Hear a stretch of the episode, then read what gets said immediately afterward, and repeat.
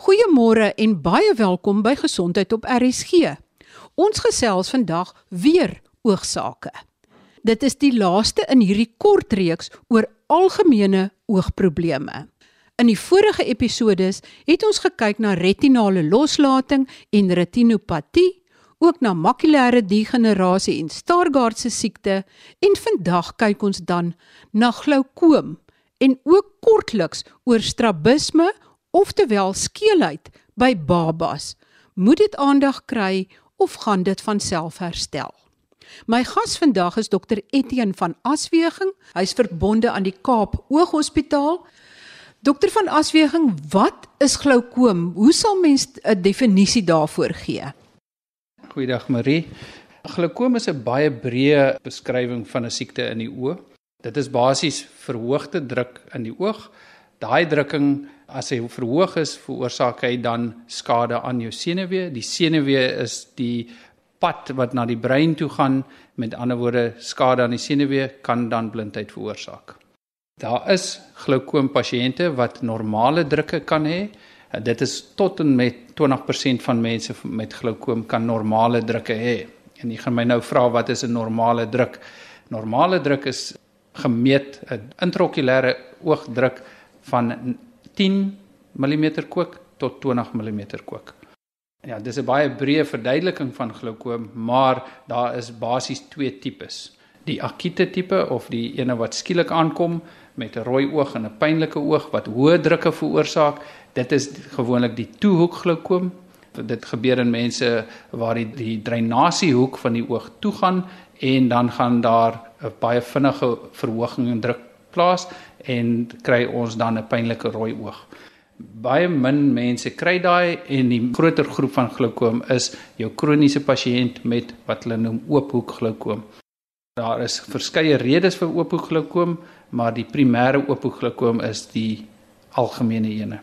Dit is waar mense toevallig gaan vir 'n oogondersoek by die optometris en dit word opgetel dat die drukking hoër as 20 is. Hulle kyk dan binne in die oog dan sien hulle die senuwee is bietjie vergroot as gevolg van hierdie druk en dan word hulle verwys.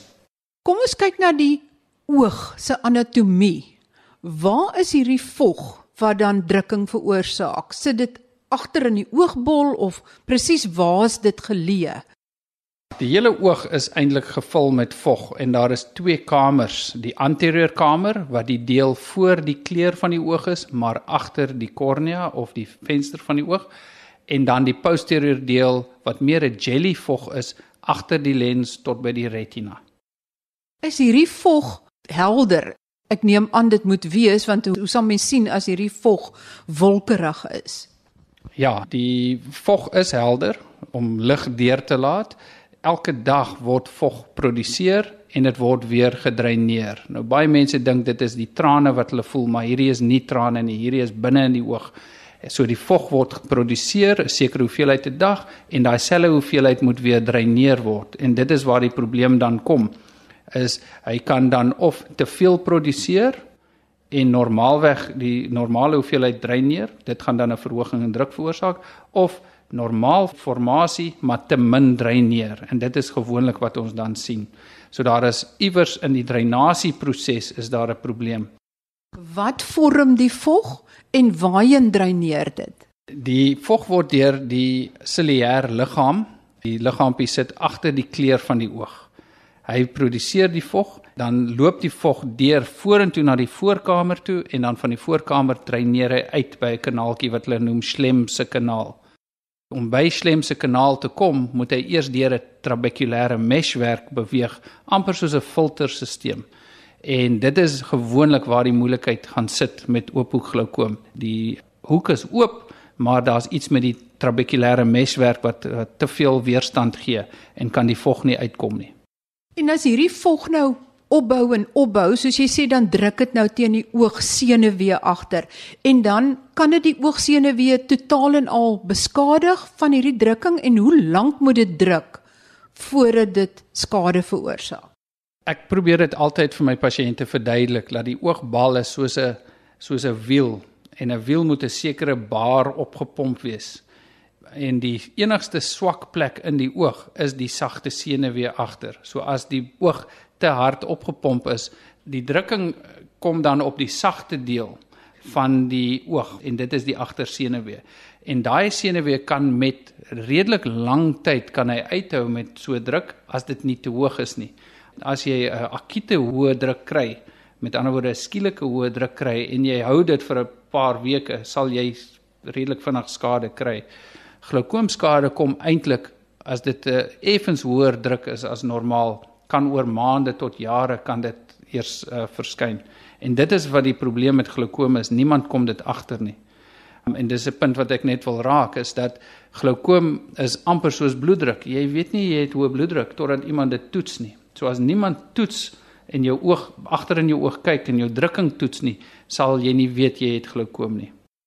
So baie mense sal gaan vir 'n roetine ondersoek en dan sal hulle agterkom maar die drukking is bietjie hoog, die senuwee het al vroeë veranderings en dan word hulle eers verwys.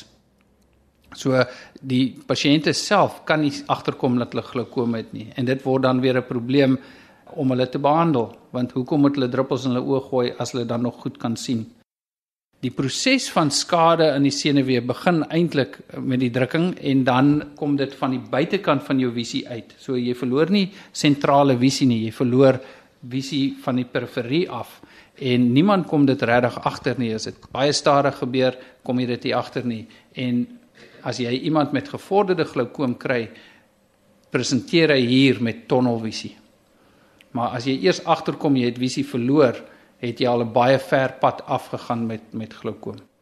Met ander woorde, as jy makulêre degenerasie saam met glaukoom het, dan gaan jy beslis glad nie kan sien nie, want die glaukoom vat die visie aan die kant weg en die makulêre degenerasie vat die visie in die middel weg. Ja, dit is presies so, maar die groot ding is die makulêre veranderings kom jou pasiënt direk na jou toe en sê ek het nou afname in visie. Die glaukoom pasiënt kom nie na jou toe nie en um, daar moet bewustheid wees vir glaukoom en ons optometriste is goed, hulle tel dit op met die instrumente wat hulle deesdae gebruik, hulle tel dit op en ons sien die pasiënte vroeër en ons um, moet hulle lewenslank dan behandel. Gelukkig kan ons meeste van ons pasiënte net met druppels behandel. Ek sê altyd vir my pasiënte dis soos 'n bloeddrukpil. As jy nie 'n bloeddrukpil drink nie, gaan jou bloeddruk op. Maar as jy jou druppels elke dag gebruik, is jou kanse vir verdere verandering van jou glaukoom baie baie min. Watter toets doen hulle? Hoe kan mens agterkom dat die drukking in jou oogbol te hoog is? Daar is 'n uh, paar maniere om die druk te meet. Die goue standaard is die Goldman Applanation Tonometer, jammer vir die Engels, maar dit is applanasie tonometer en dit is wat al die oftalmoloë gebruik en dit is die blou liggie wat hulle amper soos 'n kontaklens op die oog raak en dan werk jy dan kry jy die drukking van daai.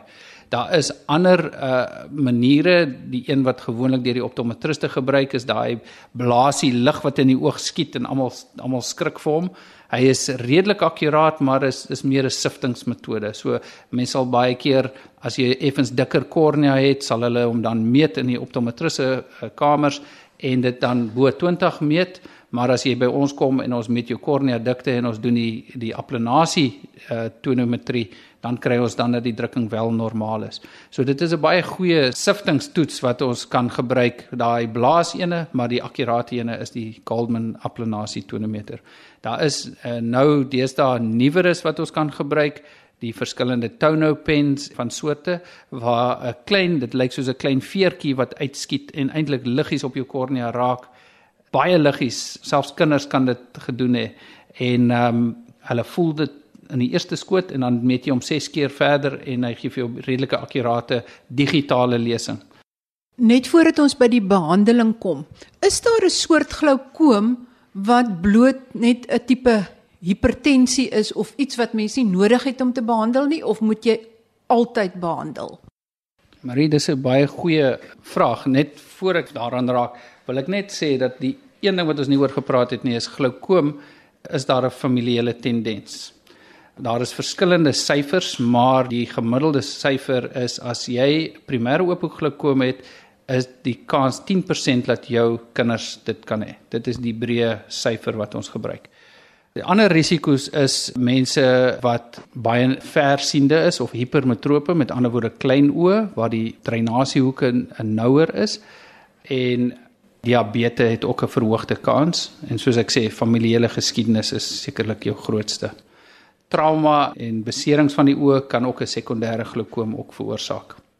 So mens kry 'n tipe drukverhoging in die oog waar die druk hoog is of redelik hoog is maar daar geen senuweeskade is nie en dit was tradisioneel altyd okulêre hipertensie genoem. Dit is nog steeds nie heeltemal seker is dit okulêre hipertensie en hoef jy nie te behandel nie of is dit vroeë glaukoom wat nog nie skade gekry het nie. Ek persoonlik in my praktyk uh, is baie skrikkerig om iemand as 'n okulêre hipertensie te diagnoseer en sal hulle baie baie baie goed opvolg. Ek is liewerster veilig en sit hulle op 'n baie lae druk druppel. Dis 'n druppeltjie twee keer 'n dag. Dit pla hulle nie, dit maak hulle visie sleg nie en dan weet ek hulle druk is onder 20. Verskeie dokters sal anders behandel. Ek voel net ek wil nie as my drukking 23 was en hy moet 20 wees en ek het nie skade nie, sal ek liewers my drukking afbring na 20 toe of laer sonder dat ek skade het. Ek sal nie wag tot ek skade het want as jy skade gekry het, dan kan dit nie weer teruggekry word nie. So dit is my eie opinie. Ja, daar is 'n okulêre hipertensie. Dieselfde in in hoë bloeddruk. Jy kry mense met hoë bloeddruk en hulle sê dis reg. As my bloeddruk te hoog is en ek het nie 'n strook gehad nie, gaan ek nie wag om 'n strook te kry nie. Dr Etienne van Asweging, hy is 'n oogarts verbonde aan die Kaap Ooghospitaal hier in die Kaapse Skiereiland en ons gesels oor glaukoom. In hierdie deel fokus ons op die behandeling van glaukoom en ons kyk ook na skeelheid by babas. Moet dit aandag kry of nie? Jy sê daar is druppels wat mens kan insit. Sit mense dit op jou oog en hoe kan 'n druppel wat jy op die oog sit 'n effek hê op die vog binne in die oog? Marie, ja, dit is die die eerste fase van behandeling is druppels en ek sou sê meer as 90% van ons pasiënte hanteer ons wel met druppels. Ons kry verskillende tipes druppels, verskillende werke, maar basies praat ons van druppels wat die uitvloei vermeerder, so die trabekulêre meswerk uh, uitvloei vermeerder en die ander is wat ek van praat is om die cellulêre liggaam se krane bietjie toe te draai, so die produksie te verminder. So weer eens selfe rede vir glaukoom is jy wil die produksie verminder of jy wil die uitvloei vermeerder. So meeste van ons druppels kan die krane toemaak. Daar is sekere van ons druppels, die prostaglandine wat die uitvloei uh, uh, fasiliteer. Uh, maar die uitvloei maniere is meer die tweede fase en dit is die chirurgiese metode. So as ons nie met druppels kan regkom nie of as ons nie die drukking laag genoeg kan kry nie, dan kan ons oorgaan na chirurgie toe. Die tradisionele manier om drukking te verlaag is om 'n uitlaatklep te bou uit die weefsels wat ons het wat ons 'n trabekulektomie noem. Daar is verskeie maniere van trabekulektomie, maar hy is die goue standaard nog altyd gewees. Deesdae gebruik ons voordat ons by groot chirurgie kom, is daar ander maniere om die uitvloei te verbeter, onder andere die uh, eye stent Ek was bevoorreg om 'n paar jaar terug pas genooi Armenië toe om te gaan leer oor die nuwer uh, tipe glaukoom operasies wat ons in Engels MIGS noem, M I G S wat minimale indringende glaukoom chirurgie sou vertaal. MIGS, so met ander woorde 'n klein stent in die oog insit wat baie min skade aan die oog doen, nie so groot soos die tradisionele trabekulektomie nie en wat redelik goed werk. Ek doen dit nou al die laaste 5 jaar met redelik goeie sukses. Die lekker ding van van die een wat ek daar geleer het wat ons noem die eye stent, hy word gedoen saam met katarak chirurgie. So as jy klaar jou katarak operasie gedoen het, gebruik jy dieselfde wond, jy draai net die kop effens skuins en jy sit hom in en dit is 'n stent. Ek verduidelik vir my pasiënte amper soos die kardioloog hartstent insit. Hierdie is 'n stent wat deur die trabekulêre meshwerk gaan sodat jy 'n beter vloei deur tot by jou slemse kanaal. So dis 'n kortsluiting na jou slemse kanaal. So dit is al so 5 jaar in Suid-Afrika wat ons dit wel doen met goeie resultate. En dan is daar uh, verskeie nuwe tipe uh, minimale indringende chirurgie wat nog nie heeltemal getoets is nie, maar ook amper soos 'n uh, uitvloei kan doen na die buitekant van die wit van die oog wat ons die een wat ek nou onlangs begin gebruik het is die Zen wat redelike goeie resultate het. Ek verduidelik vir my pasiënte dis amper soos om 'n slow puncture in die oog te sit want hy dry neer stadig heeltyd en hy hou die drukking dan redelik laag. Maar jou groot standaard as daai kleintjie klein operasies nie werk nie, moet mens nou na die groter operasies toe gaan, die trabeculectomy met of sonder 'n klein taal shunt. So ons ons doen redelik baie van die operasies, maar ons verkies om dit te hou vir pasiënte wat nie op druppels hanteer kan word nie. Waar maak julle daai snit in die oog? En as dit nou dreineer, as julle die stent insit, is dit 'n baie klein stent neem ek aan. Ja, daai stent is is kleiner as 'n millimeter groot. Hy word deur dieselfde snit wat ons vir die katarak chirurgie doen. Dit is gewoonlik so 2.5 mm sny in die kornea maak. So dis 'n helder kornea snit. Hy is klein genoeg dat jy nie steekies hoef in te sit nie. En soos ek sê, jy doen eers die katarak chirurgie. Selfs net die verwydering van die katarak kan al klaar die drukking bietjie verlaag na daai operasie. Maar as jy 'n stent insit, kan jy verwag om nog beter drukverlaging te kry. So die wond word 2.5 mm of kleiner gemaak en ons hoef nie steekies in hom in te sit nie. Ja, verstommend, ek het al gesien julle spuit so vog nadat julle die wondjie gemaak het dat dit eintlik toe druk. Ja, so as jy die vog in die kornea se weefsel in die strome in dan veroorsaak 'n klein bietjie swelling. En daai swelling druk dan die wond lekker toe. Die wond is eintlik uh, ordentlik gestruktureer dat jy op op 'n hoek ingaan en nie reguit af nie. So as hy op 'n hoek of 'n oblique hoek ingaan, dan kry jy die drukking van binnekant wat buitentoe druk en dan druk hy die wond ordentlik toe. Jy het gesê omtrent 90% van pasiënte reageer op die druppels. As jy dan die stent moet insit of dit chirurgies moet herstel, is dit suksesvol in die meeste van daai oorblywende 10%? Ja, so sukses vir ons word opgedeel in uh, totale sukses is wanneer jy die operasie doen, jou drainasie operasie wat jy een ook al en dat jy die druk kan hanteer sonder enige bykomende middels, druppels. Dit is 'n totale sukses. 'n Gedeeltelike sukses is wanneer die drukking wel af is, maar nie laag genoeg nie en dan moet jy druppels weer gebruik. So ek sê vir al my pasiënte, veral met die eye stent wat ek insit, daar gaan 'n moontlikheid wees dat ons een of twee van jou druppels kan verminder, maar dis nie te sê jy gaan totaal sonder druppels wees nie. Jou trabeculectomies is ook 'n redelike goeie sukses, maar dit hang af en moet heeltyd ge, uh, uh, gekontroleer word want dit daai wond wat jy of daai drainasie wat jy inbou kan die lyf self weer gaan toegroei. So dit is 'n konstante check wat jy moet doen en gaan kyk is die wond oop of is die drainasie poort oop want as hy toe gaan gaan die drukking weer opgaan. So die sukses is redelik goed.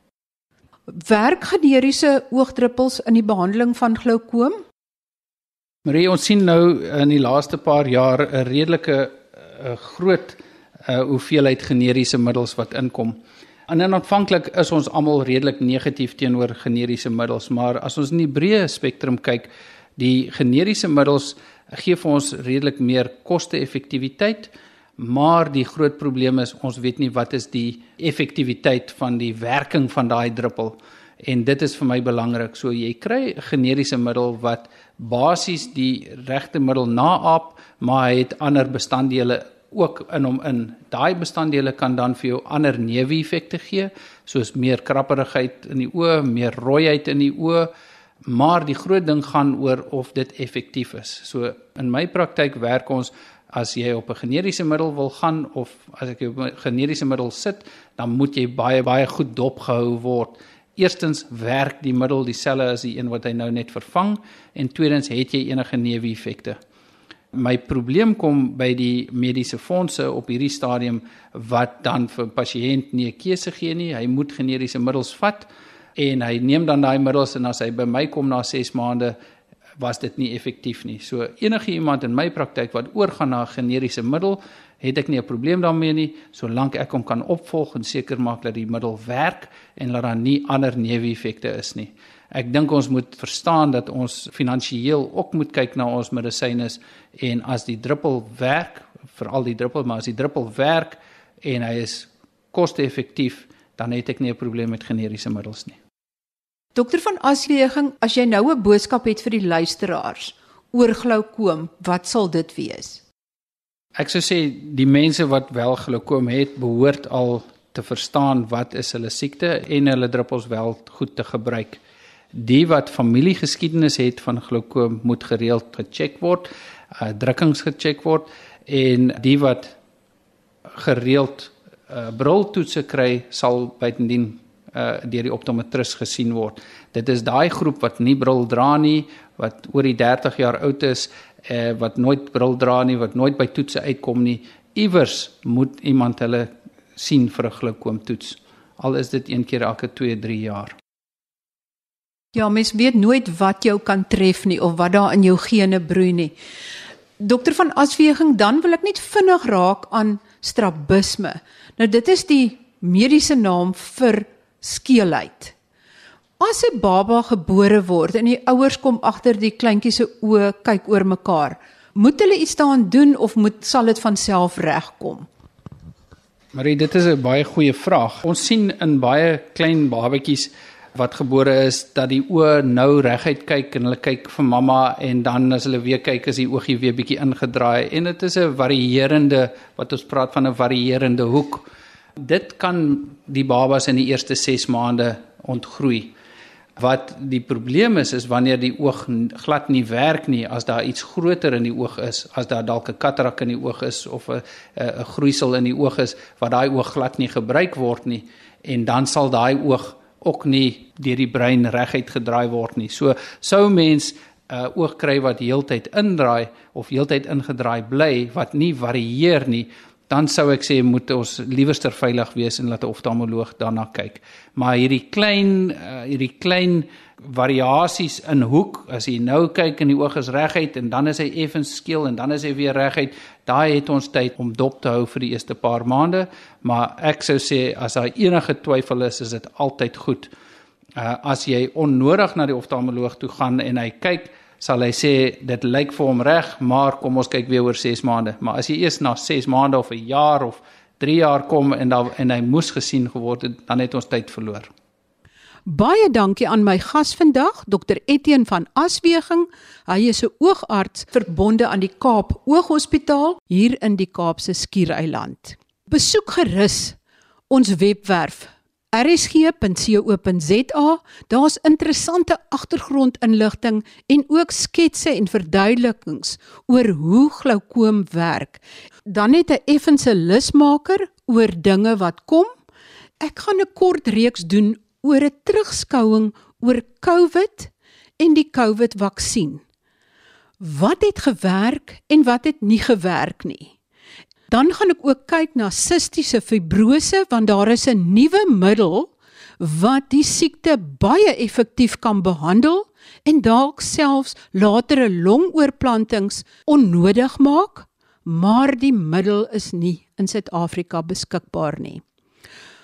Ek is ook besig met navorsing vir 'n program oor propriosepsie.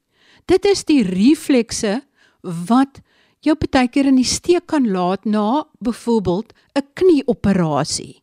Hoe vertrou jy weer jou knie na 'n knieoperasie? Byvoorbeeld in die geval van siakolisie. Dan wat doen 'n perfusie-tegnoloog?